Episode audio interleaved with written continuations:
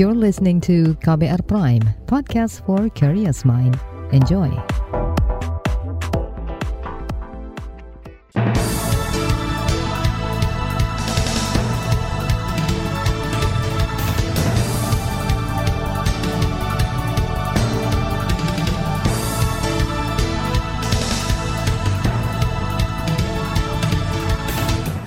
Selamat pagi saudara, senang sekali bisa menjumpai Anda kembali melalui program Buletin Pagi edisi Selasa 19 Juli 2022. Saya Malika.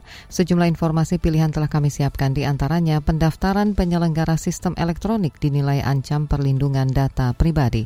Kapolri nonaktifkan Verdi Sambo dari jabatan Kadif Propam. Pesawat latih milik TNI AU jatuh di Blora, Jawa Tengah. Inilah Buletin Pagi selengkapnya. Terbaru di Buletin Pagi. Saudara Google menyatakan bakal mengikuti regulasi pemerintah terkait pendaftaran penyelenggara sistem elektronik PSE. Pendaftaran PSE merupakan tindak lanjut dari peraturan pemerintah dan peraturan Menteri Komunikasi dan Informatika tentang penyelenggara sistem elektronik lingkup privat yang terbit dua tahun lalu. Dalam regulasi itu, PSE lingkup privat wajib melakukan pendaftaran paling lambat enam bulan sejak pelaksanaan perizinan berusaha berbasis resiko melalui sistem OSS berlaku efektif. Melalui pesan tertulis kepada KBR kemarin, perwakilan Google mengaku sudah mengetahui mekanisme pendaftaran tersebut. Google berjanji akan mengambil tindakan yang sesuai untuk mematuhi regulasi itu. Pernyataan Google disampaikan usai Kementerian Komunikasi dan Informatika Kominfo memberi ultimatum bakal memblokir PSE yang belum mendaftarkan diri. Hingga malam tadi, PSE asing seperti Google, WhatsApp, Facebook, hingga Instagram belum terdaftar. Kominfo mengumumkan batas akhir pendaftaran yakni Rabu 20 Juli 2022. Sorotan datang dari Koalisi Advokasi Permen Kominfo, anggota koalisi sekaligus Kepala Divisi Kebebasan Berekspresi SafeNet, Nenden Arum mendorong pemerintah menunda penerapan aturan PSE. Menurutnya aturan itu berpotensi mengancam keamanan data pribadi pengguna, apalagi pemerintah belum mengesahkan rancangan Undang-Undang Perlindungan Data Pribadi RUU PDP.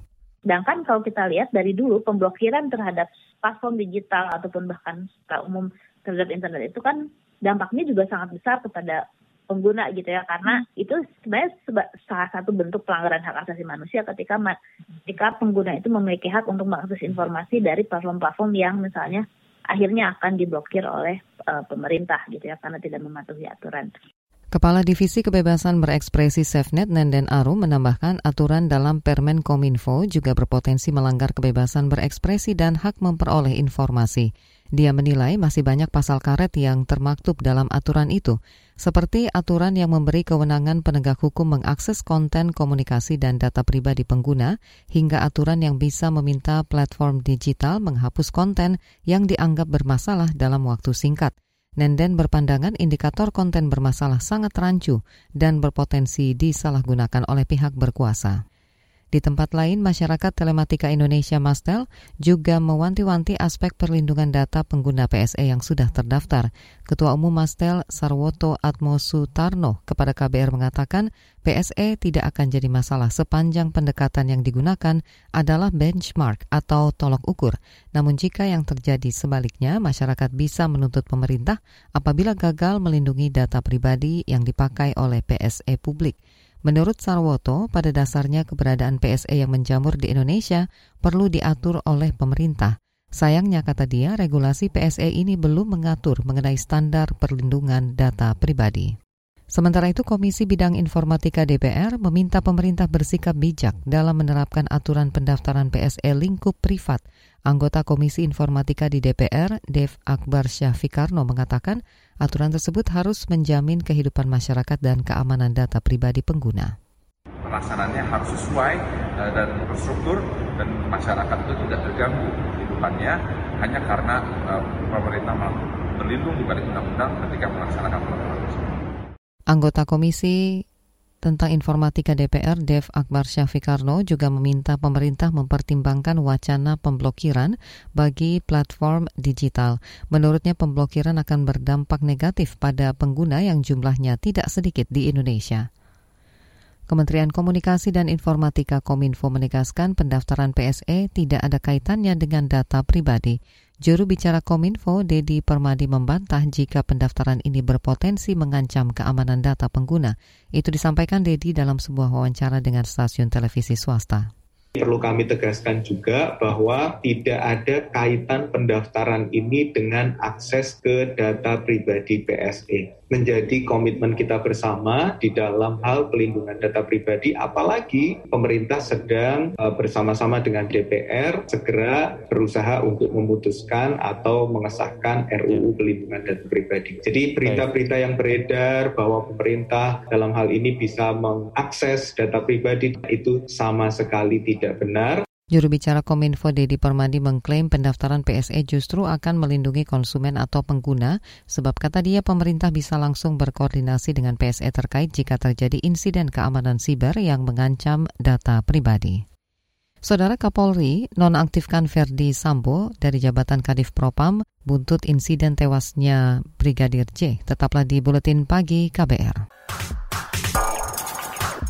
You're listening to KBR Pride, podcast for curious mind. Enjoy!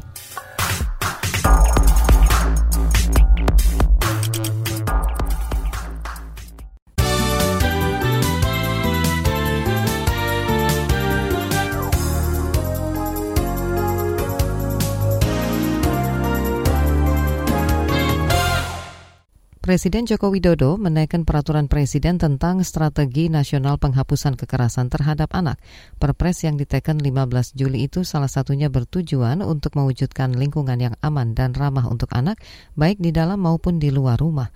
Perpres itu memuat beberapa strategi, di antaranya penyediaan kebijakan, pelaksanaan regulasi, dan penegakan hukum, penguatan norma dan nilai anti kekerasan, hingga penciptaan lingkungan yang aman dari kekerasan.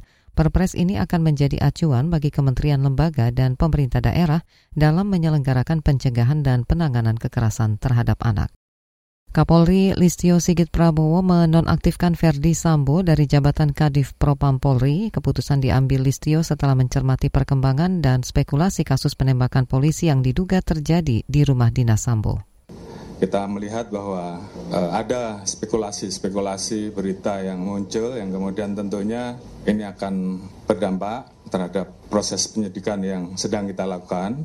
Oleh karena itu, malam hari ini kita putuskan untuk Irjen Pol Verdi Sambo untuk sementara jabatannya dinonaktifkan. Dan kemudian jabatan tersebut saya serahkan kepada Pak Wakapolri. Kapolri Listio Sigit Prabowo menyebut penonaktifkan penonaktifan Sambo merupakan komitmen Polri untuk menjaga objektivitas, transparansi, dan akuntabilitas dalam proses penyidikan sehingga pengusutan kasus bisa berjalan baik dan membuat terang peristiwa. Dia menjamin proses penyidikan bisa dipertanggungjawabkan secara ilmiah. Sementara itu keluarga Brigadir Nopriansyah Yosua Huta Barat atau Brigadir J melaporkan dugaan pembunuhan berencana ke polisi kemarin. Koordinator Kuasa Hukum Keluarga Brigadir J Komarudin Simanjuntak mengatakan laporan telah diterima oleh Bareskrim dengan terlapor dalam lidik. Karena kami tidak mau membuat laporan sebagai terlapor yang disebut dengan Barada E. Karena menurut perhitungan kami berdasarkan fakta-fakta hampir tidak mungkin yang bersangkutan melakukan ini. Atau tidak-tidaknya menurut perkiraan kami ada terdiri dari beberapa orang. Nah, bukan hanya satu orang atau dua orang. Ada yang berperan pistol ada yang berperan memukul ada yang berperan melukai dengan senjata tajam bahkan mungkin dengan sangkur atau dengan apa namanya itu laras panjang itu loh. Jadi dengan banyaknya luka maka kami sangat yakin ini pembunuhan terencana. Koordinator Kuasa Hukum Keluarga Brigadir J. Komarudin Simanjuntak mengatakan telah melampirkan berbagai bukti dan laporannya, di antaranya dokumen surat kematian serta foto luka di bagian tubuh yang dinilai janggal. Dia menduga lokasi pembunuhan terjadi antara perjalanan Magelang Jakarta dan rumah dinas Verdi Sambo. Sementara waktu pembunuhan diduga antara pukul 10 hingga 17 waktu Indonesia Barat tanggal 8 Juli 2022. Dugaan itu muncul lantaran keluarga tak lagi bisa berkomunikasi dengan Brigadir J di waktu tersebut.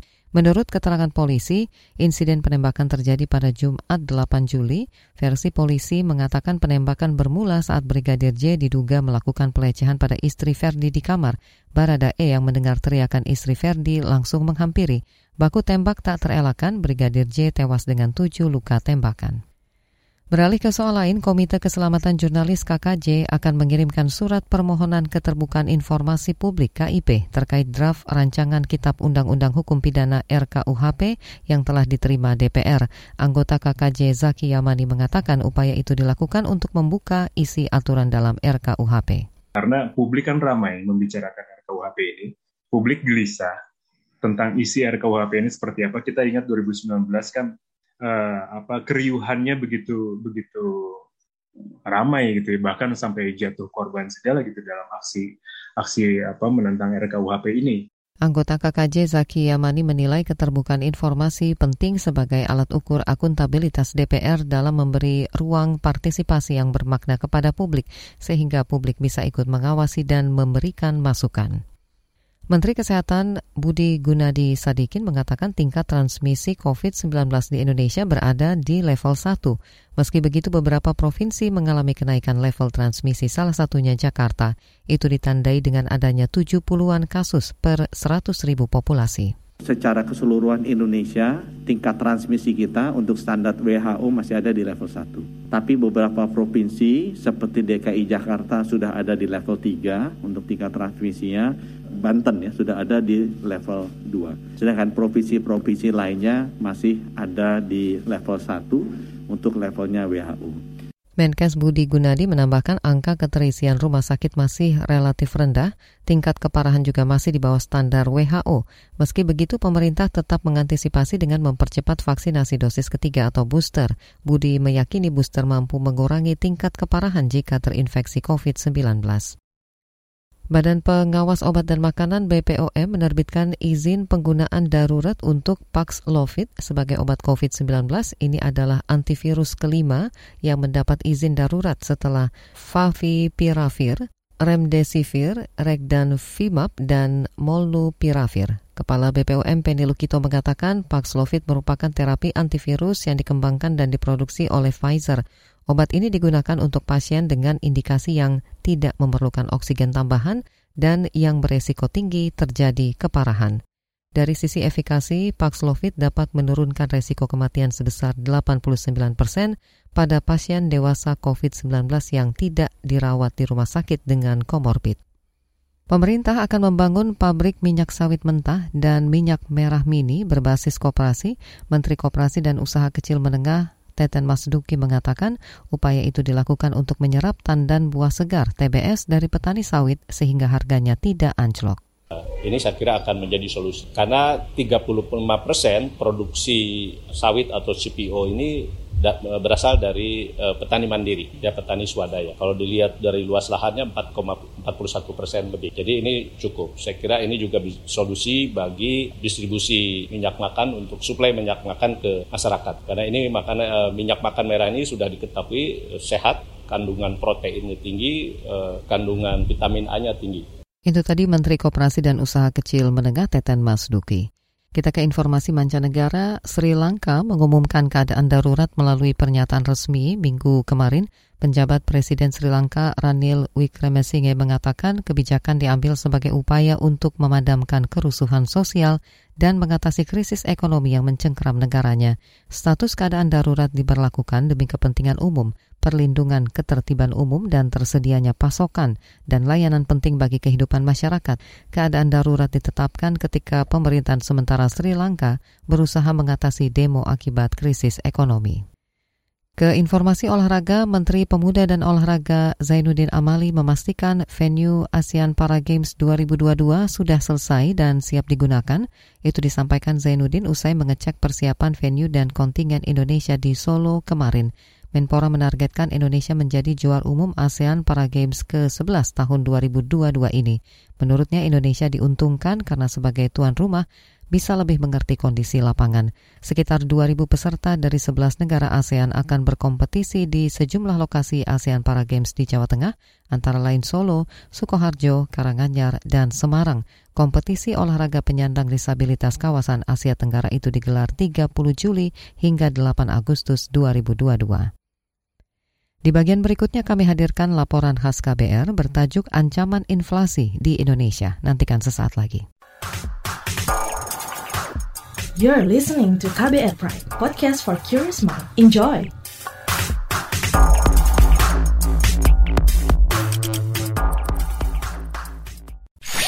Commercial break. Commercial break.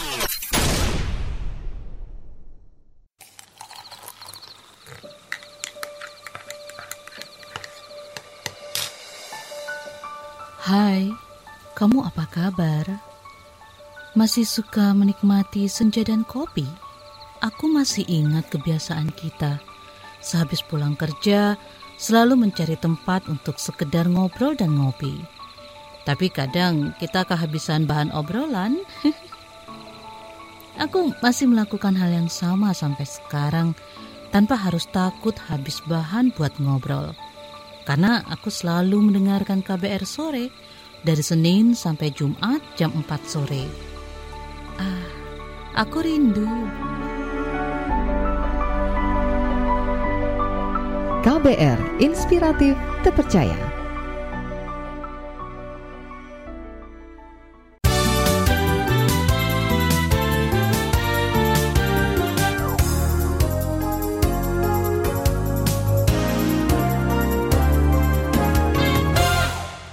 Anda masih bersama kami di Buletin Pagi KBR.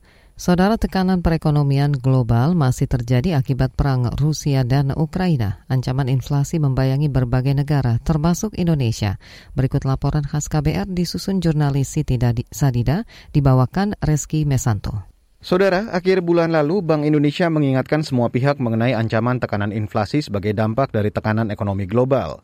Deputi Gubernur Senior Bank Indonesia Destri Damayanti mengatakan, Indonesia diperkirakan masih dibayangi resiko stagflasi atau inflasi dan kontraksi ekonomi yang terjadi bersamaan. Walaupun di tahun 2022 ini memang inflasi kita perkirakan akan melewati batas atas kami di 4%, namun di 2023 kami perkirakan bahwa inflasi ini akan berada kembali di range 3% plus minus 1% di tahun 2023. Ancaman inflasi juga disampaikan Menteri Keuangan Sri Mulyani. Ia menyebut inflasi berdampak pada semua negara termasuk Indonesia. Pemicunya adalah kenaikan harga komoditas seperti pangan dan energi akibat perang Rusia dan Ukraina menimbulkan kenaikan harga komoditas seperti pangan dan energi. Dan ini menyebabkan inflasi di negara-negara banyak negara meningkat secara tinggi. Sehingga ini menjadi ancaman yang sangat nyata bagi banyak-banyak negara yang sekarang menghadapi krisis pangan dan krisis energi. Krisis pangan hingga krisis keuangan bisa terjadi di negara-negara miskin dengan situasi inflasi yang kemudian menyebabkan kebijakan bank-bank sentral menaikkan suku bunga, maka kemungkinan berbagai negara-negara miskin yang sekarang sudah dalam kondisi sangat rawan, mereka akan dalam kondisi yang makin sulit.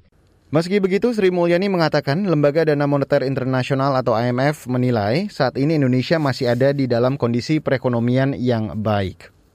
Indonesia dalam situasi yang sangat baik dari sisi kinerja ekonominya, dari sisi pertumbuhan, dari sisi neraca pembayaran karena terjadi surplus perdagangan 26 bulan berturut-turut, dari sisi inflasi yang relatif jauh lebih rendah di bawah 5 persen hanya 4,2 dibandingkan negara lain yang sudah sangat tinggi. Dan yang paling penting sinkronisasi dan kerjasama kebijakan moneter fiskal dari Bank Indonesia dan Kementerian Keuangan untuk bisa menjaga untuk untuk tetap bekerja secara harmonis karena ini akan membantu menjaga momentum pemulihan ekonomi Indonesia.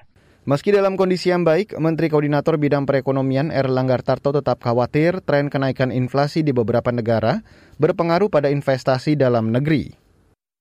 Karena kita sangat mengkhawatirkan dengan kondisi inflasi yang menaik di berbagai negara akan tingkat suku bunga akan masuk rejim baru yaitu kenaikan tingkat suku bunga global dan tentu sangat mempengaruhi terhadap investasi yang sangat dibutuhkan oleh Indonesia. Kalangan analis meminta pemerintah lebih responsif terhadap ancaman ekonomi tersebut dengan mengupayakan berbagai kebijakan strategis. Direktur Eksekutif Lembaga Kajian Ekonomi Indef Tauhid Ahmad mengatakan, kondisi ini seharusnya menjadi tanggung jawab otoritas fiskal maupun moneter mengatasi ketimpangan bukan hanya pekerjaan otoritas fiskal tapi juga moneter yang memang hari ini dihadapkan pada kenaikan suku bunga The Fed ya. Karena dengan justru lambatnya otoritas moneter dalam mengenai inflasi dengan pengetatan melalui giro wajib minimum tidaklah cukup begitu. Kita lebih mempertahankan pertumbuhan ekonomi sementara problemnya adalah pertumbuhan ekonomi yang saat ini terjadi justru dinikmati oleh masyarakat pendekatan menengah ke atas. Belakangan Bloomberg melakukan survei menunjukkan Indonesia Indonesia berada pada urutan ke-14 dari 15 negara yang berisiko mengalami resesi akibat tekanan ekonomi global. Pengamat ekonomi Bima Yudhistira mengingatkan pemerintah agar selalu waspada meski kondisi ekonomi nasional masih berada dalam kategori yang baik. Memang dari survei yang dilakukan oleh Bloomberg, probabilitas Indonesia terkena resesi ekonomi relatif kecil. Tapi kita juga nggak boleh mengentengkan situasi. Kenapa? Karena hubungan kita dengan Tiongkok, hubungan dengan Amerika Serikat ini sangat tinggi porsinya. Jadi kalau ada guncangan ekonomi, inflasi yang tinggi di Amerika Serikat, maka efeknya pun juga akan langsung dirasakan ke dalam negeri. Yang kedua, dulu tahun 97 Indonesia sebelum krisis moneter dijuluki sebagai macan Asia bersama dengan Korea Selatan, kemudian juga Thailand, tapi kemudian setelah itu indikator berubah dengan cepat. Makanya bisa terlalu prematur kalau kita tidak mawas diri bahwa Indonesia aman. Belum tentu, karena tekanannya sebenarnya semakin menguat selama semester kedua ini. Dan saudara, laporan ini disusun oleh Siti Sadida Hafsyah, saya Reski Mesanto. Informasi dari daerah akan hadir usai jeda, tetaplah di Buletin Pagi KBR. You're listening to KBR Pride, podcast for curious mind. Enjoy!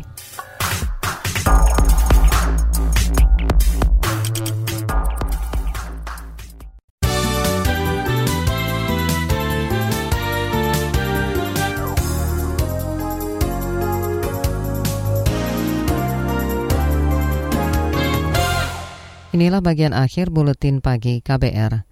Saudara terdakwa pencabulan santriwati Pondok Pesantren Sidikiyah Jombang, Jawa Timur, Muhammad Subci Azal Sani alias Beci, didakwa dengan pasal berlapis. Sidang dakwaan digelar secara tertutup di Pengadilan Negeri Surabaya kemarin. Kepala Kejaksaan Tinggi Jawa Timur, Mia Amiati, mengatakan terdakwa dijerat pasal pemerkosaan dan pencabulan bahwa kami mendakwa dengan pasal berlapis dengan dakwaan alternatif. yang pertama adalah pasal 285 KUHP tentang pemerkosaan. Sementara itu, kuasa hukum Beci Gede Pasek Suwardika menilai dakwaan dari jaksa sumir. Sebab dalam dakwaan jaksa, korban dugaan pencabulan hanya satu orang. Beci berencana mengajukan keberatan dalam pembacaan eksepsi Senin pekan depan. Beci ditetapkan sebagai tersangka pada Desember 2019 usai buron hampir tiga tahun dia menyerahkan diri pada 7 Juli lalu. Banjir menerjang kota Masohi, ibu kota Kabupaten Maluku Tengah sejak minggu kemarin. Banjir mengakibatkan ratusan warga mengungsi. Salah seorang tokoh warga di kota Masohi, Hasan Salampesi mengatakan ada 78 keluarga yang mengungsi. Dia tak yakin bantuan mencukupi mengingat hujan masih terus mengguyur dan banjir belum surut. Takutnya jangan sampai besok atau besok ini akan terjadi curah hujan lagi pengungsian ini masih tetap di tempat pengungsian. Masyarakat tetap masih di pengungsian. Maka itu kita minta berupa beras begitu. Kita minta supaya mungkin dari pemerintah daerah bisa menambahkan ketemu punya stok makanan untuk persediaan di tempat pengungsian. Sebagian rumah di kota Masohi terendam banjir setinggi 1 meter. Banjir terjadi akibat luapan air dari kawasan Sugiarto Puncak Masohi. Selain merendam rumah warga, banjir juga merendam sejumlah bangunan seperti pasar, sekolah. Jalanan juga terendam air setinggi setengah meter. Belum ada laporan mengenai korban jiwa. Sebuah pesawat latih jatuh di wilayah desa Nginggil, Blora, Jawa Tengah malam tadi. Satu orang dilaporkan tewas dalam insiden itu. Dikutip dari antara pesawat latih T-50I Golden Eagle milik TNI AU dengan home base di Lanut Iswahyu di Magetan, Jawa Timur itu diduga jatuh setelah hilang kontak pada Senin malam. Kepala Penerangan Lanut Iswahyu di Sus Yuda Pramono mengaku belum mengetahui kondisi pasti pilot, Letu Alan Safitra Indra, dan kondisi pesawat karena tim masih menuju lokasi yang diduga sebagai tempat jatuhnya pesawat itu. Sementara juru bicara Polda Jawa Tengah Iqbal Al-Kudusi mengatakan pihak TNI Angkatan Udara akan memberikan pernyataan lengkap mengenai kecelakaan ini. Informasi tadi menutup jumpa kita di Buletin Pagi hari ini. Pantau juga informasi terbaru melalui kabar baru, situs kbr.id, Twitter kami di akun @beritaKBR, serta podcast di alamat kbrprime.id. Saya Malika bersama tim yang bertugas undur diri. Salam.